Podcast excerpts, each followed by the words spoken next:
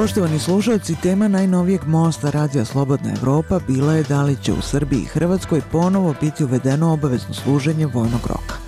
Sagovornici su bili Predrag Petrović, direktor istraživanja Beogradskog centra za bezbjednostnu politiku i Igor Tabak, analitičar Zagrebačkog portala Obrane i sigurnost.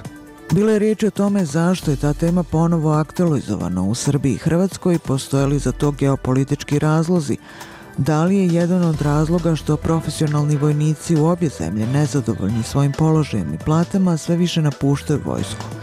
Zašto se krajnja desnica obje države najglasnije zalaže da mladi obavezno idu u vojsku i da li je to tema na kojoj se stiče politička popularnost?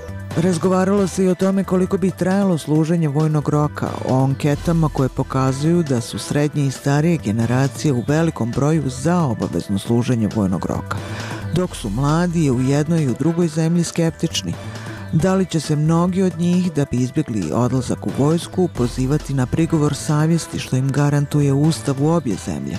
Koliko bi trajalo služenje vojnog roka, zašto vlast ni u Srbiji ni u Hrvatskoj još nije izašla sa računicom koliko bi koštalo uvođenje obaveznog služenja vojnog roka? Da li je riječ o astronomskim ciframa kako tvrde neki kritičari kao i o tome zašto je izvjesnije da će mladići iz Srbije prije u vojsku nego njihovi vršnjaci iz Hrvatske. Most je pripremio Omer Karabek. Most Radija Slobodna Evropa. Dialogom do rješenja.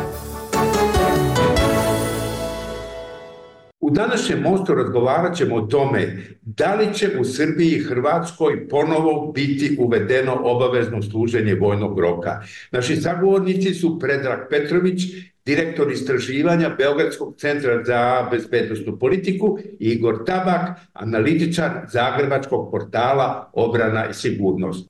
Gospodine Petroviću, nedavno je predsjednik Srbije Aleksandar Vučić izjavio je da je razgovarao sa vojnim vrhom Srbije o ponovnom uvođenju obaveznog služenja vojnog roka i da su mu generali izneli, kako je rekao, uverljivu argumentaciju da je to potrebno.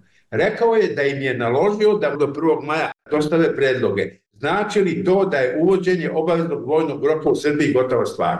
Pa nije još gotova, ali je veoma izvesna s obzirom da se Vojska Srbije već dugi niz godina suočava sa velikim odlivom kadra iz njenih redova i tu se ne radi samo o, o običnim vojnicima, nego se radi o visoko obučenim oficirima vojske Srbije. Na taj način praktično sadašnje političke vlasti pokušavaju da poprave, nadomeste posledice lošeg upravljanja vojskom Srbije. A najlakše je naravno da se krene sa pričom o obaveznom vojnom roku. Pored toga, ponovno aktualizovanje priča o vojnom roku je veoma pogodno i za političke vlasti u smislu podizanja rejtinga, s obzirom da vojska Srbije već tradicionalno uživa visoko poverenje kod eh, građana Srbije i oni je smatraju za najmanje korumpiranu instituciju. Na taj način, kada se vi oslonite na vojsku, kada prikazujete da vi već ulažete finansijska sredstva u obnovu naoružanja, a sada i brojno pokušavate da ojačate vojsku, to dođe veoma zgodno političkim vlastima, ovim veoma za njih nezgodnim političkim vremenima. Gospodine Tabak, nedavno je i hrvatski ministar obrane Ivan Anušić izjavio da se pripremaju tri scenarija dužine vojnog roka koji će biti prezentirani predsjedniku i premijeru i da će nakon toga uslediti dogovor na koji način i od kada provoditi vojni rok.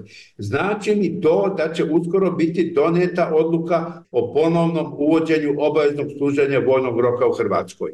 Mislim da je to jako neizvjesno, da pa će čak i ne baš vjerojatno. S jedne strane u Hrvatskoj se ta tema povlači svakih nekoliko godina uvijek s političkog spektra, i ovog puta evo u zadnjih mjesec dana to je opet u saboru stavljeno kao tema, a mislim da se više uklopilo u naš predstojeći predizborni kontekst, budući da evo u Hrvatskoj je ovo velika izborna godina i što se tiče parlamentarnih izbora i europskih izbora i onda predsjedničkih izbora i čini mi se da je to zapravo glavni okvir unutar kojeg se tu zapravo igramo a u Hrvatskoj je vojni rok zamrznut, dakle nije ukinut, zamrznut je odlukom parlamenta, pa bi vjerojatno onda i za bilo kakvo odmrzavanje ili promjenu opet trebala odluka parlamenta i to sve skupa jasno stavlja stvar na sam rub političkog horizonta.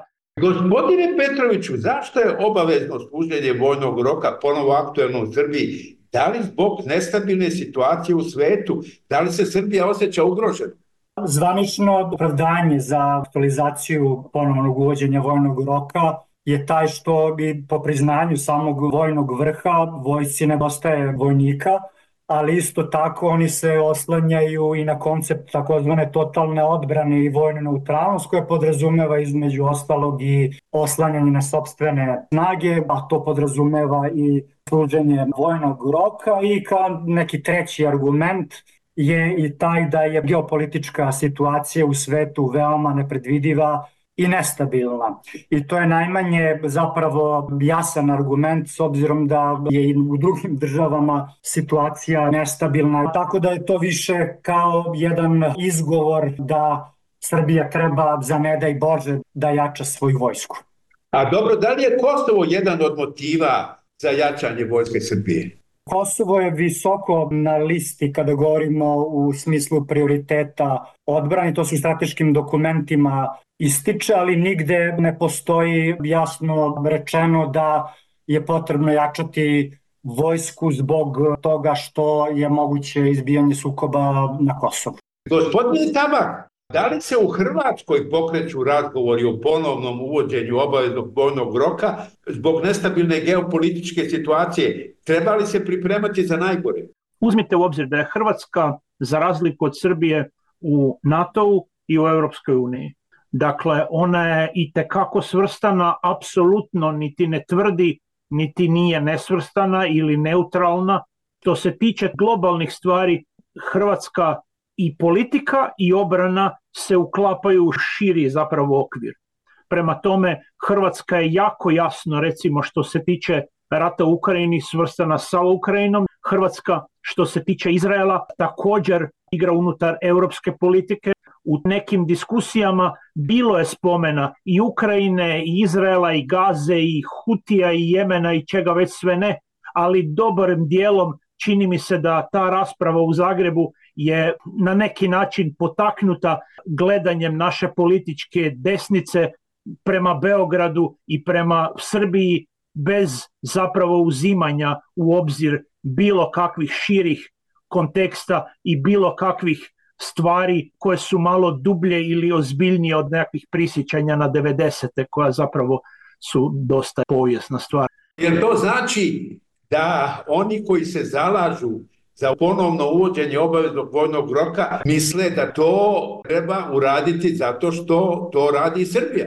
To je jedan od argumenata, ali jednako ko što se u Srbiji baš ne voli spominjati Kosovo, tako i Srbija nije jedini argument, pa se onda priča o široj globalnoj situaciji, o nekakvim novim prijetnjama koje zapravo malo tko definira. Sve to skupa se miješa s nekakvim povijesnim sjećanjima na bivše sustave, na ročne vojske, što je koncept od kojeg je Hrvatska zapravo prije dosta godina ipak odustala nakon dosta promišljenja. Hrvatska je početkom 2008. zamrznula taj ročni sustav i zapravo teško mi je zamisliti što bi se u ovom našem obrambenom kontekstu dobilo uvođenjem nekakvog obaveznog služenja vojne obveze, tim više što to se onda vidi zapravo i u ovim političkim diskusijama gdje se jednako spominju i nekakvi tečajevi prve pomoći, snalaženja u prirodi, tu je jedna sadržajna zbrka na dijelu i mislim da je to uvelike pokazatelji koliko čitava tema zapravo u Hrvatskoj nije ozbiljna. Gospodine Petroviću, ko se u Srbiji najviše zalaže da mladi ponovo obavezno idu u vojsku?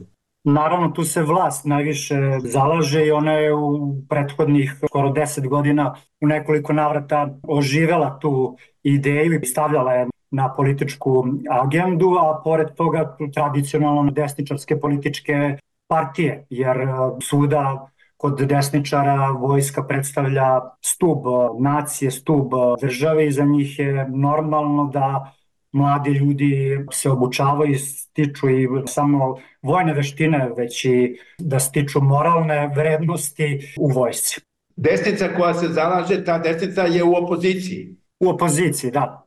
A kakav je odnos proevropske opozicije? Uglavnom smatraju da se radi o jednom politikanskom pokušaju vlasti da pokriju neke afere koje su trenutno aktualne sa vojnim rokom. Poštovani slušaoci, pratite Most Radija Slobodna Evropa, u kome se razgovara o tome da li će u Srbiji i Hrvatskoj biti uvedeno obavezno služenje vojnog roka. Sagovornici su Igor Tabak, analitičar Zagrebačkog portala Obrana i sigurnost i Predrag Petrović, direktor istraživanja Beogradskog centra za bezbednostnu politiku. Voditelj je Omer Karabeg. Gospodine Tabak, Ko se u Hrvatskoj najviše zalaže za uvođenje obaveznog služenja vojnog roka? S jedne strane to je također desna opozicija koja je zapravo politički nerelevantna, dok ljevica i centar zapravo nisu zato i to jako glasno. HDZ trenutno igra igru, dakle to je desni centar i čini mi se da u predizbornom kontekstu s jedne strane desnijem spektru krade ideje, pa evo među ostalim i pitanje vojnog roka, čisto preuzevši tu raspravu i rastegnuši ju do nekakvih izbora, da bi zapravo to sve uvelike bilo prilično neozbiljno. To je jedan igrokaz koji se kod nas već po peti, šesti put ponavlja zadnjih šest, sedam godina i ovo je još jedna repriza, a opet s jednako malo konkretnih podataka, s jednako malo konkretnih procjena troškova, gdje u isto vrijeme pravo opremanje oružanih snaga, prava modernizacija je vidljivo skupa i teška i jedva ide, a ovo bude više ukras za pojedine medije i za raspravljanja u parlamentu kad se želi solit pamet. Gospodine Tabak, kakav je stav predsjednika Milanovića, a kakav je stav premijera Plenkovića prema uvođenju obaveznog služenja vojnog roka? Premijer pa onda i ministar obrane, kad su se dohvatili te teme, zapravo su ju prebacili na sustav e, Ministarstva obrane i oružanih snaga koji bi tek trebao izraditi nekakve opcije o kojima bi se onda moglo razgovarati. Predsjednik Milanović je samo naznačio da je tema ozbiljna i da bez njega tu ne može biti donošenja odluka, što za čudo nije preraslo u novi sukob između vlade i predsjednika, jer je vlada također primijetila da eto radi se o dovoljno bitnoj temi da predsjednik kao vrhovni zapovjednik tu mora imati svoju riječ. Prema tome čitava ta stvar je na neki način odgođena za nadolazeće mjesece kad bi onda valjda po prvi put u nekoliko navrata takvih rasprava konačno iz obrambenog sustava trebali isploviti nekakve ozbiljnije procjene i resursa i troškova i mogućih konceptualnih pristupa ovoj temi. Gospodine Petroviću, pomenuli ste da je jedan od razloga uvođenja obaveznog služenja vojnog roka u Srbiji i to što nema dovoljno profesionalnih vojnika. Da li se vojska značajno osipa? Da li ljudi odlazbe zbog malih plata i loših uslova? Da, mi smo radili jedno istraživanje pre nekoliko godina na tu temu, zašto smo primetili taj trend još od ranije, ali on se uvećao i ubrzao i prethodnih pet godina prema proceni Vojnog sindikata Srbije. Vojsku Srbije napustilo 10.000 profesionalnih vojnika i oficira, što je ogroman, ogroman Broj jeste jedan od e, razloga i loše plate, ali ne samo to, nego i radni uslovi, radno okruženje u kojima se oni nalaze, oni se suočavaju sa stalnom degradacijom profesionalnosti i profesionalnog načina upravljanja vojskom, bilo sa političkog nivoa, bilo sa vojnog nivoa i to posebno dolazi do izražaja kod ljudi koji su visoko obučeni i visoko školovani. Između ostalog mi svedočimo i tome da Vojno-bezbednostna agencija vrši pritiske na članova vojnog sindikata kako bi napustili sindikat i odustali od borbe za svoja pre svega radna prava. To je jedno okruženje koje nimalo nije podsticajno za profesionalnog vojnika i oficire tako da sa tim će se suočiti budući regruti ukoliko dođe do obnove služenja vojnog roka. Gospodine Tabak, da li se osipa profesionalna vojska u Hrvatskoj? S obzirom da zadnjih godina je kod nas bilježen priličan pad transparentnosti, meni je to zapravo teško odgovoriti. Rekao bi čovjek da da, i vidljivo je da je sve teže naći mlade ljude koji bi ušli nanovo u taj sastav. Dakle, jasno je da je tu problem, među ostalim se vidjelo i nedavnim dizanjem starosnih limita za boravak i nastavak rada u, u oružanim snagama, ali mislim da to sve još nije totalno zabrinjavajuće, tim više što eto u Hrvatskoj trenutno je u tijeku veliko preslagivanje čitavih setova plaća i koeficijenata u državnom sektoru, tu će i vojska imati jednu ozbiljniju povišicu plaća navodno sa fokusom na redovnu vojsku, ne toliko na časnike koliko na baš na vojnike i mornare. Gospodine Petroviću, koliko bi trajalo obavezno služenje vojnog roka u Srbiji? Pominju se tri meseca. Da, pominje se tri meseca, ranije se pričali o šest, dakle licitira se sa različitom dužinom trajanja vojnog roka, pa čak se ide i na neke kraće varijante kako bi se pridobila javnost i pre svega mladi da lakše služe vojni rok. Ali naravno to će biti jako, jako teško jer istraživanje pokazuju da pola ispitanika mladih je za služenje vojnog roka dok druga polovina je protiv.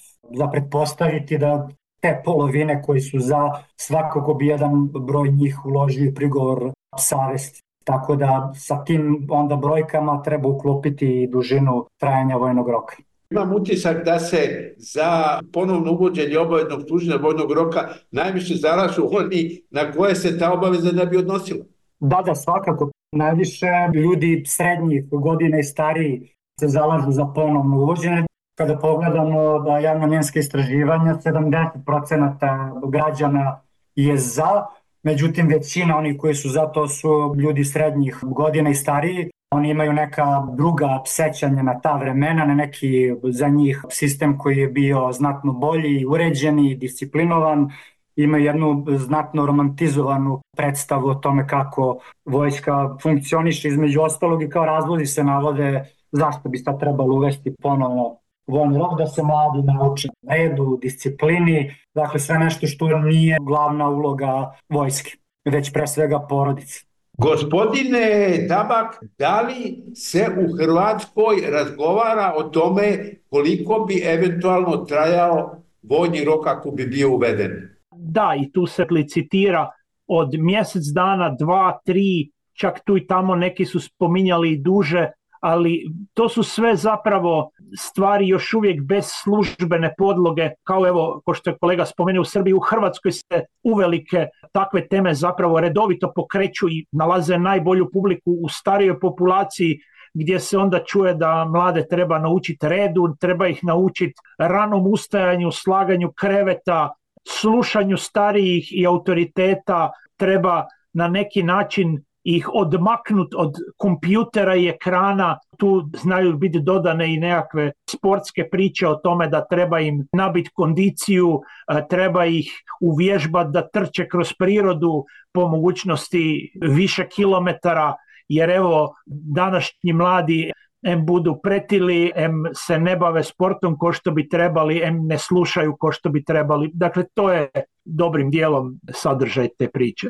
Da li ima konkretnih predloga o tome koliko bi trajalo služenje vojnog roka? Da li se pominju i u Hrvatskoj tri mjeseca? Pa da, mislim da čak je ministar obrane se izjasnio da njemu osobno temeljem njegovog vojnog iskustva mu se tri mjeseca čine dobrom mjerom, ali bilo je govora i o kraćim od dva mjeseca, ko što ako se ne varam trenutno traje kod nas dragovoljno služenje, a iz same vlade, dakle od premijera se prije koji mjesec čulo o nekakvim varijantama od mjesec dana, nekakvim pjetnim tečajevima koji bi bili između mature i upisa na fakultet u zapravo mladim ljudima najstresnijem momentu gdje bi onda, velim, se spominjalo u šumi nekako kampiranje, dizanje tjelesne spreme, snalaženje u prirodi, prva pomoć, uvježbavanje reagiranja na nuklearno-kemijske, biološke prijetnje i takve nekakve priče, ali sve to je uvelike bez službene potvrde i bez da je uklopljeno u bilo koji jasan koncept o kojem bi se onda moglo ozbiljno diskutirati sa brojkama, a kamoli da to se prelije u parlamentarnu raspravu. Poštovani slušaoci, pratite Most Radija Slobodna Evropa, u kome se razgovara o tome da li će u Srbiji i Hrvatskoj biti uvedeno obavezno služenje vojnog roka. Sagovornici su Predrag Petrović, direktor istraživanja Beogradskog centra za bezbednostnu politiku Igor Tabak, analitičar Zagrebačkog portala Obrana i sigurnost. Voditelj je Omer Karabeg. Gospodine Tabak, našao sam podatak da se 2007. godine preko 70% mladih u Hrvatskoj pozvalo na prigovor savjesti da bi izbjegli da idu u vojsku. To bi se naravno ponovilo i sada ako ponovo bude uvedeno obavezno služenje vojnog roka. Ti podaci otprilike odgovaraju većina mladih je tada izbjegavala služenje vojne obveze. Pri tome ono što još gorije, njihovo civilno služenje koje je onda bilo i dužeg trajanja, zapravo je bilo organizirano dosta kaotično pa se teško može reći koliko je to zapravo radnih sati bilo odrađeno, a još se manje može reći koliko je taj sav odrađen posao vrijedio ondje gdje se obavljao, jer evo u nekim zapadnim zemljama vrijednost takvog civilnog služenja je jedan veliki argument za zadržavanje čitavog sustava obveznog služenja. Djelovanje mladih koji nisu s puškom i u hitnoj pomoći i u službama zaštite spašavanja u nekim zapadnim zemljama predstavljaju jednu ozbiljnu društvenu, ali i financijsku vrijednost koju se kod nas nije obračunalo kad se je o tim stvarima razgovaralo i onda je čitav sustav bio zamrznut zapravo praktički ukinut budući da su i nekretnine otišle izvan obramenog sustava i čitava ta mašinerija je rastavljena. To je samo jedan aspekt problema s civilnim služenjem koji onda naravno se nadovezuje na sve ove priče o obvezama ovakvog ili onakvog tipa. Gospodine Petroviću, vi ste rekli da prema istraživanju otprilike 50% mladih je za uvođenje obaveznog služenja vojnog roka, a 50% protiv. Da li je urbana populacija mladih više protiv nego ruralna? Da, da, to svakako urbana populacija tradicionalno je protiv služenja vojnog roka. Vojska Srbije je zapravo iskusila poteškoće kod tradicionalno naklonjene mlade populacije sa juga Srbije koji su išli rado na dobrovoljno služenje vojnog roka ili su išli u profesionalni sastav Vojske Srbije da u poslednjim godinama nisu baš tako voljni da to učine. Tako da to osipanje je vidno čak i kod ruralne populacije. Znači, ne važi više ona stara maksima rado Srbi lide vojnike. Pa to davno ne važi. To je opet jedan od naravno mitova. Gospodine Tabak, da li u Hrvatskoj postoji ikakva računica koliko bi koštalo uvođenje obaveznog vojnog roka? Ne, do sad se nijednom nije došlo do toga. Do sad je već evo zapravo novost da se od ministra obrane čulo da on računa na oko 17.000 mladih, iako izgleda da je bilo spomena samo na muški dio populacije mladih, što je zapravo dosta zanimljivo budući da u aktualnom sustavu dragovoljnog služenja ima jedna dobrana kvota djevojaka koje se javljaju, a koje bi u ovakvom sustavu zapravo bile, ako ne isključene, ali ono vidljivo marginalizirane. Bilo kakvo pitanje opremanja, bilo kakvo pitanje infrastrukturnih troškova koje bi ponovna uspostava obveznog služenja tražila, dakle hrana, grijanje, onda oprema, zaštitna oprema, naoružanje, instruktori, prostori za takve aktivnosti, to je sve još nejasno i umagli. Među ostalim se spominje onda i nekakve mjesečne naknade ročnicima koje danas ne bi mogle biti zanemariva cifra. Tu se spominju novčani iznosi sporedivi sa mjesečnim plaćama i onda to na jedan put dovodi do astronomskih cifri. A dobro, ima li konkretno neka cifra? Ima li približno ne. nešto? Ne, ne, ne. U Hrvatskoj se nije zapravo došlo ni u jednom momentu do ikakve iole zaokružene cifre koja bi definirala troškove potrebne za novu uspostavu takvog sustava. Gospodine Petroviću, ima li ikakvih računica u Srbiji koliko bi koštalo ponovno uvođenje vojnog roka? Mi imamo neke cifre i to pre svega bivši oficiri su iznali podatak da je za vreme mandata Zorana Đorića dok je on bio ministar odbrane između 2016. i 17. godine naložio da se uradi proračun koliko bi zapravo koštalo ponovno uvođenje služenja vojnog roka i ta cifra ide od 700 miliona evra do milijardu evra. To su ogromne cifre i ogromni novci i navodno zbog toga se u tom momentu i odustalo ponovnog uvođenja služenja vojnog roka. Međutim, ono što mi danas možemo da čujemo od predstavnika vladajuće partije, ali i ljudi iz vojske koji se nalaze na visokim položajima, da je zapravo ta cifra bi danas bila znatno, znatno manja jer je navodno vojska Srbije znatno uložila u svoju infrastrukturu i kasarne. Iskreno ja čisto sumnjam da je obim ulaganja u infrastrukturu tog nivoa i cene umeđu vremenu su znatno, znatno skočile. Tako da svakako da je ta cifra ogromna, ali to ne treba da smatramo kao veliku prepreku za vladajuću partiju. Ona voli te velike infrastrukturne projekte i za nju bi to bio jako dobar biznis, s obzirom da je navikla da operiše sa tim velikim infrastrukturnim projektima, grandioznim i onda da se hvali kako je eto zadužila zapravo buduća pokolenja. Znači, nikakva konkretna cifra sad, kad je ponovo oživljeno, kad je Vučić dao nalog da mu se pripremi predlog do 1. maja, znači nikakva konkretna cifra nije pominjana. Ne, ne, ne. Ima li spekulacija odakle pare za to? Jer Srbija sad ima dosta velike troškove, organizuje se i Expo koji jako puno košta, to bi bio veliki dodatni trošak. Odakle pare? Jel bi to došlo iz zaduživanja ili odakle? Pa verovatno kao i do sada kroz zaduživanja.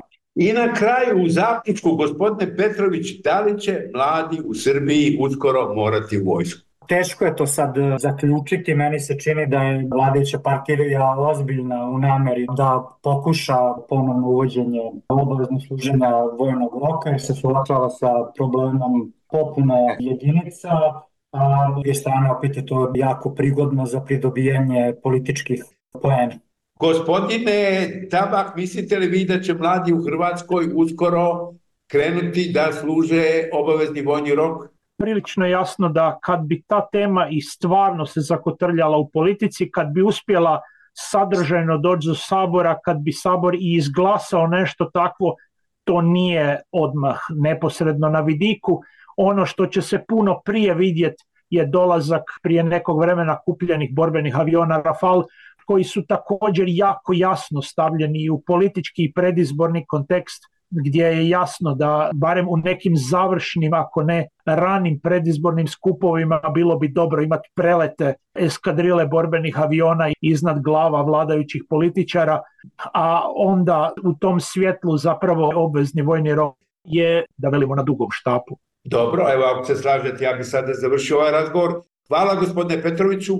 Hvala vama. Hvala gospodine Tabak. Hvala.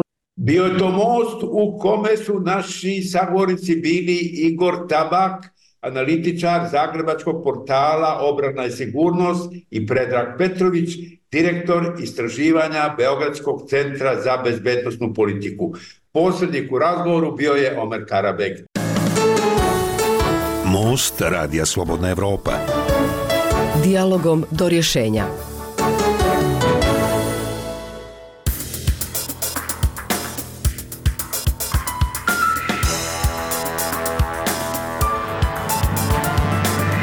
Toliko u današnjem programu Radija Slobodna Evropa. Nove epizode naših podcasta pronađite na Spotify, Google podcastima, iTunesu kao i na našem sajtu slobodnaevropa.org. Do slušanja.